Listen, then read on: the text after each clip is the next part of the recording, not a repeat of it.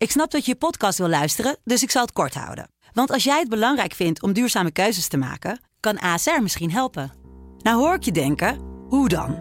Nou, bijvoorbeeld bij het duurzaam herstellen van schade. Of de premies die we beleggen volgens ons duurzaam beleggingsbeleid. Dat bepaalt waar we wel en juist niet in investeren. Wil je meer weten over welke duurzame keuzes ASR maakt? Ga dan naar asr.nl slash duurzame keuzes. ASR doet het. Zo, dan kan je nu lekker naar je podcast luisteren. Dit is het Telegraafkwartier. De dagelijkse nieuwspodcast van de Telegraaf. Met Michiel Kooijman. Welkom bij het Telegraafkwartier van maandag 29 januari. Met vandaag. Hogeschool Utrecht besloot het weekend lezingen over de holocaust uit te stellen. En 500 miljoen euro moet er bezuinigd worden op de jeugdzorg. En dat gaat flink pijn doen. De Hogeschool Utrecht is dit weekend zwaar onder vuur komen te liggen vanwege het besluit om geplande lezingen over de holocaust op te schorten. Het uitstellen van de lezingen deed de wenkbrauwen al fronsen, maar de daaropvolgende reacties van de hogeschool zorgden voor alleen maar meer vragen. Sil van Schoonhoven, jij bent er dit hele weekend mee bezig geweest. Even terug naar afgelopen zaterdag. Jij wist als eerste te melden dat Hogeschool Utrecht de lezingen over de holocaust op de lange baan schuift. Waar stoppen ze dan precies mee? De Hogeschool Utrecht had een uh, college-reeks gepland over de holocaust en antisemitisme. Dat zouden uh, zeven of acht afleveringen worden. Er zou een overlevende van de holocaust komen spreken. En uh, er zouden ook allerlei ja, gerenommeerde namen, historici komen spreken over allerlei zaken rondom de massamoord op de Joden tijdens de Tweede Wereldoorlog. Ja, waarom besloten ze daar dan mee te stoppen? Of dat in ieder geval op de lange baan te schuiven? Ja, nou dat was ook de vraag van allerlei betrokkenen die ik sprak zaterdagavond al. Die waren eigenlijk totaal verrast door dit besluit van de Hogeschool eh, Utrecht. Om, ja, het is een beetje onduidelijk. Het is niet definitief afgezegd. Maar ik belde natuurlijk gelijk de woordvoerder ook van de hogeschool. Om te vragen van, ja, wat is er nou aan de hand? En hij eh, zei van, ja, het is inderdaad, het is opgeschort. Het wordt uitgesteld. We hebben meer tijd nodig. En hij zei ook van, uh, we willen een uh, diverse en gebalanceerde dialoog faciliteren rond dit onderwerp. We hebben meer tijd nodig om de gebeurtenissen van 7 oktober en daarna in breder perspectief te plaatsen. Met ruimte voor uiteenlopende meningen en overtuigingen. Ja, dat is nogal bijzonder als het gaat over de ja, holocaust. En mijn vraag was toch, maar de holocaust was toch tussen 1933 en 1945? Ja, wat heeft 7 oktober daarmee te maken? Wat heeft 7 oktober daarmee te maken? Ja, ja nou ja, de, je zag dat, uh, dat de woordvoerder het daar moeilijk mee had om daar een uh, zinnig verhaal. Hij, hij, herhaalde eigenlijk wat hij hierover zei. Hij zei van ja, onderwijsprogramma's hebben soms meer tijd nodig. En we hebben gemerkt dat er toch behoefte is aan een breder perspectief en dergelijke. Nou, heel verhaal hierover. Dus nou, iedereen die ik sprak, de mensen vanuit de hogeschool zelf, docenten die daar zouden spreken tijdens die collegereeks. Het CIDI dat ook betrokken was bij de organisatie ervan. Verder geen rol speelde inhoudelijk, maar die, die zeg maar de, de sprekers uh, had, had georganiseerd. Iedereen was boos. En dan druk ik het heel zacht uit. Ja. Mensen waren verbijsterd. Joodse organisaties reageerden. Zondagochtend, toen wij publiceerden, buitelde ook de politiek eroverheen met hele gepeperde uitspraken. Mensen spraken hier schande van. Ja, en terecht natuurlijk terecht, want wat is een belangrijker onderwerp om op scholen over te spreken dan de moord op 6 miljoen Joden ja. tijdens de Tweede Wereldoorlog. Dat moet je blijven herdenken, dat, dat moet in onze herinnering blijven.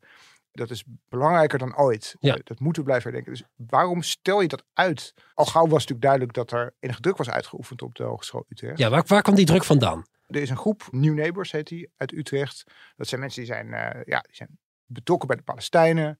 Die hebben aan de bel getrokken bij de gemeente en ook bij de hogeschool. Omdat zij vinden dat de CIDI, uh, ja, het is een soort pro-Israël lobbygroep. En daar mag de hogeschool geen zaken mee doen, omdat het CIDI zich zou invreten in het onderwijs, is hun standpunt. Nou, dat is een flink uh, boutstandpunt. Maar... Boutstandpunt. En zij hebben dus behoorlijk lopen aandringen op een gesprek met de hogeschool. Hebben ze uiteindelijk gekregen. Dat hebben ze vrijdag hebben ze daar gesproken.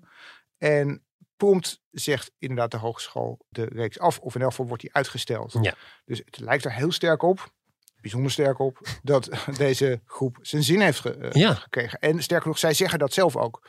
Zij zeggen zelf op uh, social media, vieren ze deze overwinning. En zeggen ze van, zie je wel, je uitspreken helpt. Nou, ze worden als helden binnengehaald door hun eigen achterban. Het is toch maar mooi gelukt om hier eens even een forse streep door te zetten. Ja, terwijl het, uh, die lezingen over de holocaust in principe niks te maken hebben met het probleem dat zich nu voordoet tussen Gaza en Israël. Nee, je, je zou kunnen zeggen, dus één van die colleges gaat over ook hedendaags antisemitisme. Ja. Nou ja, daar, daarbij zou je natuurlijk best iets kunnen zeggen over controversies rondom de oorlog in Gaza en wat is daar aan vooraf gegaan, hoe de staat Israël, wat voor rol, daar, daar valt best wel iets over te zeggen. Maar dat is natuurlijk helemaal geen reden om zo'n reeks uit te stellen. Bovendien, ja, het conflict in die regio speelt natuurlijk al uh, 75 jaar. Ja. Dus dat is ook niet iets om plots wakker van te schrikken van, oh ja, dat hebben we ook nog. Ja. Dus ik vroeg die woordvoerder ook van, ja, maar dan, dan regel je toch gewoon een spreker die, dat, die praat over antisemitisme in het licht van dit slepende conflict in het Midden-Oosten of zo. Dat is toch niet, daarvoor hoef je de serie toch niet uit te stellen. Mhm. Nou, kwam ook weer geen helder antwoord op. Wij publiceerden zondagochtend, hè, zoals ik al zei, veel, nog, nog meer commotie. De politiek ging, ging zich ermee bemoeien. Iedereen was, was echt woedend op, eh, op de Hogeschool Utrecht. En toen gebeurde er iets geks. Ja, vertel. Toen kwam de Hogeschool Utrecht opeens met een verklaring op de website dat de berichtgeving eh, niet klopte. De suggestie dat, eh, dat, dat zij toch de holocaust zouden verbinden met de actualiteit, die wierpen ze verre van zich. Maar dat is wel letterlijk wat er gebeurde. Waarbij ik dacht van, oh, jullie, jullie werpen je eigen woordvoerder verre van je. Ja. Dat zal David uit den Boogaard, de woordvoerder, waarschijnlijk niet prettig vinden. Dus ik belde hem op. Hij werd wel last, steeds lastiger bereikbaar hoor, die dag moet ik zeggen. Hij nam steeds minder zijn telefoon op. Reageerde steeds korzeliger op de app als ik hem vragen stelde. Want ik zei van, joh, David, dit is iets totaal anders dan wat jij mij gisteravond vertelde. Ja. Hoe zit dat? Ja, Welke van de twee redenen is het nou? Want de hogeschool voerde opeens veiligheid aan als argument. Ze zeiden van ja, we kunnen de veiligheid van de docenten, de studenten, de medewerkers niet garanderen. nee. Dus eerst hadden we een heel standpunt, een soort reactie van eh, het moet genuanceerder. En dat veranderde in we kunnen Er, is een veiligheidsissue. in een issue met de veiligheid. Dat heeft in principe Ja. is dat heel anders. Dus mijn vraag was, was natuurlijk ook van ja, maar is die dan vanaf afgelopen nacht ontstaan? Dat Ja. veiligheidsissue. Zo. Ja. ja, hij zei van ja, de wereld staat niet stil, het kan snel gaan, de veiligheidssituatie is veranderd. Wat natuurlijk gek is, want op het moment dat ik hem zaterdagavond sprak, was het evenement al afgezegd. Ja, Dus zelfs als er die nacht een acuut veiligheidsprobleem zou zijn ontstaan, ja, dan was dat niet de reden om het af te zeggen, want dat was al gebeurd. nee. Dus ja, het was een heel pijnlijk doorkijkje in hoe een onderwijsinstelling als de Hogeschool Utrecht in totale paniek raakte. PR-technisch een complete chaos van maakte. Paniekvoetbal ging spelen. Het is aan ons dan om dan een beetje daar toch chocola van te maken. Ja. Wat, wat is er nou gebeurd? Hoe moet je het dan zien wat zij doen? Nou, ik denk dat de hogeschool ontvankelijk is geweest voor de opvattingen van die actiegroep, Ja. New Neighbors. Ze zijn, daar is een gesprek geweest vrijdag. Daar was ook ruimte voor emotie, schrijft New Neighbors. Kortom, nou, het was een bewogen gesprek. Ik denk dat ze daar van onder de indruk waren. En dat ze dachten van, ah, misschien moeten we dit toch maar niet doen. Of daar nog eens over nadenken. Dat besluit is toen genomen. Tot verbijstering van betrokkenen dus. Maar wat ze niet hadden voorzien, was dat er natuurlijk een enorme storm zou opsteken op het moment dat bekend zou worden dat die hogeschool een evenement over zo'n kwetsbaar, gevoelig onderwerp ja, eigenlijk gewoon heeft geschrapt. Of in elk geval doorgeschoven, opgeschort voor onbepaalde tijd. Hè? Want ik, ik vroeg ook nog aan die woordvoerder van ja, maar wanneer gaat het dan gebeuren? Ja, er was, nee, was nog geen datum bekend. Kon wel maanden duren. Dat was niet op de korte termijn in elk geval. Nee, precies. Waarbij mijn gedachte was natuurlijk, ja, van uitstel komt. Afstel, tuurlijk. Ja, En ook de, betrokkenen, die hadden geen goede hoop dat dit binnen een week wel geregeld zou nee, zijn. nee. Overigens heb ik eh, net nog even contact gehad Ja. met de gemeente Utrecht om te vragen van, goh, is er nou een veiligheidsissue geweest eh, dit weekend? Zij, hebben jullie daar contact over gehad? Nou, zeiden ze bij de gemeente, nee hoor, bij ons is geen eh, veiligheidsissue bekend. We hebben wel contact gehad en bij de gemeente nou, wij willen hen helpen om het alsnog door te laten gaan.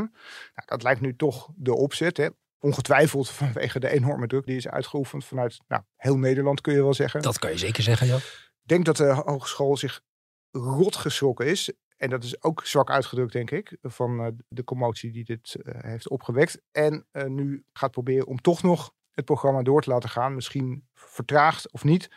Maar zij kunnen dit natuurlijk nu niet definitief op de lange baan schuiven. Want daarvoor staat het nu te veel in de spotlight. Ja. En dat was natuurlijk helemaal niet de bedoeling geweest van de hogeschool. En daarvoor is de commotie ook te groot. Ja, enorm. Ja. enorm. Ja, ook vanuit Den Haag wordt er met ontzetting gereageerd op het handelen van de Hogeschool Utrecht. Pepijn van der Brink, jij bent parlementair verslaggever in Den Haag. Wat waren de reacties in Den Haag over het handelen van de Hogeschool Utrecht? Nou, toch wel bij sommige partijen echt wel een beetje eh, ongeloof. Jezielkes bijvoorbeeld, die uh, Jezielkes van de VVD zegt serieus een divers en gebalanceerd dialoog over jodenvervolging. Ze haalt nog even in herinnering dat er 6 miljoen joden zijn vermoord tijdens de Tweede Wereldoorlog. Vanwege jodenhaat. En ja, ze zegt, hoezo is het nodig om dat te nuanceren? Ze noemt het een gospe. En ook minister Dijkgraaf van Onderwijs, die doet een dringend beroep op scholen zoals de Hogeschool Utrecht om de belangrijke taak, namelijk onderwijs over de holocaust, te blijven vervullen, zegt hij. Ook wanneer dat uh, moeilijk is. Nou, zo zijn er ook andere, Caroline van der Plas, Omtzigt. Ze vinden allemaal ja, de opstelling zeg maar, van de Hogeschool in Utrecht en het feit dat zij deze lessen hebben uitgesteld, vinden ze eigenlijk onverteerbaar. 500 miljoen euro. Dat is het bedrag dat bezuinigd moet worden op de jeugdzorg. Dat klinkt misschien als een hoog bedrag, maar het is nog lang niet alles. Onze parlementaire verslaggever Pepijn van der Brink zit vandaag bij het debat in de Tweede Kamer. Pepijn, die 500 miljoen euro bezuiniging, dat is niet alles, toch? Dat klopt. Er is eerder al afgesproken om een miljard te gaan bezuinigen. Dat is onderdeel van een, ja, een hervormingsagenda. En ja, die heeft vooral als doel om de hele lichte vorm zeg maar, van jeugdhulp en jeugdzorg, om daar eigenlijk het mes in te zetten. Want de toename zeg maar, van hoeveel jongeren er eh, jeugdzorg nodig hebben, die is enorm. Dat is inmiddels 1 op de 7 jongeren. En dat was eh, een jaar of 20 geleden was dat 1 op de 25. Dus om daar wat aan te doen, is die hervormingsagenda om dat soort lichte vorm van uh, hulp, denk bijvoorbeeld aan trainingen voor examenstress, ja, om die af te bouwen en om daarmee te bezuinigen. Ja, nou je zou kunnen zeggen bij trainingen voor examenstress misschien nog wel logisch dat daarop bezuinigd kan worden. Dat zou je ook prima zelf kunnen betalen als je dat nodig hebt. Maar wat voor zorg valt er allemaal nog meer onder de jeugdzorg, waar dan nu bezuinigd op zou moeten gaan worden? Ja, dat is heel ontzettend breed. Dat zijn ook gewoon de, de zware, zeg maar, specialistische uh, jeugdzorg waar mensen hele specifieke problemen hebben. Ja, jongeren die zeg maar, met zelfmoordgedachten rondlopen. Dus het is heel erg breed. Het loopt echt van dyslexie, hulp, ja, tot de zwaarste depressies en alles wat daartussenin zit. Dat is een ontzettend breed scala. En dat is ook misschien juist wel het probleem. Het wordt te veel eigenlijk om, eh, om allemaal te kunnen doen. Dus het is heel veel. Ja, heel veel. 500 miljoen. Dat is een, inderdaad een flink bedrag. Maar waar kan je dan specifiek op gaan bezuinigen? Welke maatregelen liggen er nu op tafel? Het is misschien goed om even terug te nemen. Ze hebben in dit regeerakkoord twee jaar geleden heeft Rutte 4 afgesproken dat ze 511 miljoen structureel gaan bezuinigen op de jeugdzorg. Dat is een hoop geld. Dat komt dus nog bovenop die miljard die al eerder in die hervormingsagenda is afgesproken. En er is eigenlijk al die tijd was er ja, geen boter bij de vis waar dat geld nou vandaan moest komen. Nou, nou heeft de Tweede Kamer vorige week tijdens de begrotingsbehandeling van het ministerie van Volksgezondheid ja, eigenlijk geëist van de staatssecretaris Maarten van Ooyen... van kom nou eens met suggesties, waar zou dat nou van kunnen worden gedaan? Nou, vanmorgen kwam die van Ooyen dus met een brief. Er zitten een aantal toch wel pijnlijke maatregelen in. Denk aan een eigen bijdrage, een inkomensafhankelijke eigen bijdrage... die bijvoorbeeld wel 1500 euro per jaar kan gaan bedragen. Het stoppen met ernstige dyslexiezorg, hè, waar ik het eerder ook al uh, over had. Maar dit gaat dan over de, zeg maar, de zwaarste gevallen. Stoppen met jeugdhulp aan 18-plussers. En heel veel jeugdigen die in de jeugdhulp zitten... en als die dan 18 worden, dat ze dan buiten de boot vallen. Nou, die hulp zouden ze dan gaan stoppen. Dat levert dan 60 miljoen op. Het afschaffen van pgb's in de jeugdzorg. Het afschaffen van bovenregionale expertisecentra. Nou, eigenlijk een heel pakket. En ja, ze komen er eigenlijk op uit als je een eigen bijdrage doet van 1500 euro per jaar. Plus het stoppen met die dyslexiezorg en de jeugdhulp aan de 18 plus. Als je het allemaal optelt, kom je net boven een half miljard uit. Maar nog net niet volgens de ramingen aan de 511 miljoen die ze uiteindelijk willen bezuinigen. Dus het is of allemaal nodig, of ja, de knop van die eigen bijdrage die moet nog wat verder worden aangedraaid. En dat betekent dat de eigen bijdrage nog wel eens wat hoger zou kunnen worden. Moet er wel bij zeggen, dat is dus inkomensafhankelijk. Alweer inkomensafhankelijk kunnen we ook wel zeggen. Maar betekent dus niet dat op het moment dat je het niet zou kunnen betalen, dat je dan een, ja, geen zorg zou kunnen nemen omdat er een eigen bijdrage is. Nee, en je geeft aan, vanuit de Tweede Kamer is gevraagd aan de staatssecretaris, kom nou met een pakket aan maatregelen. Nu komt de staatssecretaris met een pakket aan maatregelen. En dan wordt er vanuit de, vanuit de Tweede Kamer weer met ontzetting op gereageerd, toch? Het is een beetje gek wat er vanmorgen gebeurde. De staatssecretaris komt met een brief met dit zijn de mogelijkheden. En die zegt eigenlijk het is aan een volgend kabinet om keuzes te maken. En het volgende kabinet dat wordt nu geformeerd. Maar de vraag is natuurlijk wanneer het er überhaupt komt. Of het er überhaupt komt. En deze staatssecretaris heeft dit al twee jaar zeg maar, in de planning staan. En nu opeens zegt hij ja het is eigenlijk als ik dit lijstje zo zie. Ik kan geen redelijke bezuinigingsopties vinden. Het is onverantwoord, we moeten het niet doen. En hij verwijst nu naar een volgend kabinet. Nou ja, dat is voor sommigen, bijvoorbeeld NSC-Kamerlid Veet Bruining, die zegt, dat is me een beetje te makkelijk. Want ja, u heeft twee jaar de tijd gehad. U heeft er een puinzooi van gemaakt, zegt ze zelfs. En nu zegt de staatssecretaris, kijk maar even naar het volgend kabinet. Zij moeten het gaan oplossen. Terwijl zij zegt, ja, als u wilt dat het, als u vindt dat het onverantwoord is, dan moet u het ook uh, zelf het geld maar vinden om, uh, om het niet te hoeven doen en om het geld ergens anders vandaan te halen. Ja, dus het komt een beetje over dat de staatssecretaris zegt, nou, ik schuif mijn problemen vooruit, het volgende kabinet mag het oplossen, ik trek mijn handen hier een soort van vanaf. Ja, dat is een beetje wat er gebeurt. En dat is natuurlijk een vreemde situatie. En dat heeft natuurlijk alles mee te maken met de situatie waarin we nu zitten. Dat we ja, een nieuwe werkelijkheid hebben in de Tweede Kamer, andere verhoudingen in de Tweede Kamer. En een nieuw kabinet wat wordt geformeerd, maar er nog niet zit. En het probleem is eigenlijk dat dit niet controversieel is verklaard. Als je dit controversieel had verklaard, dan had je het sowieso doorgeschoven naar een volgend kabinet. Maar dat is dus niet gebeurd.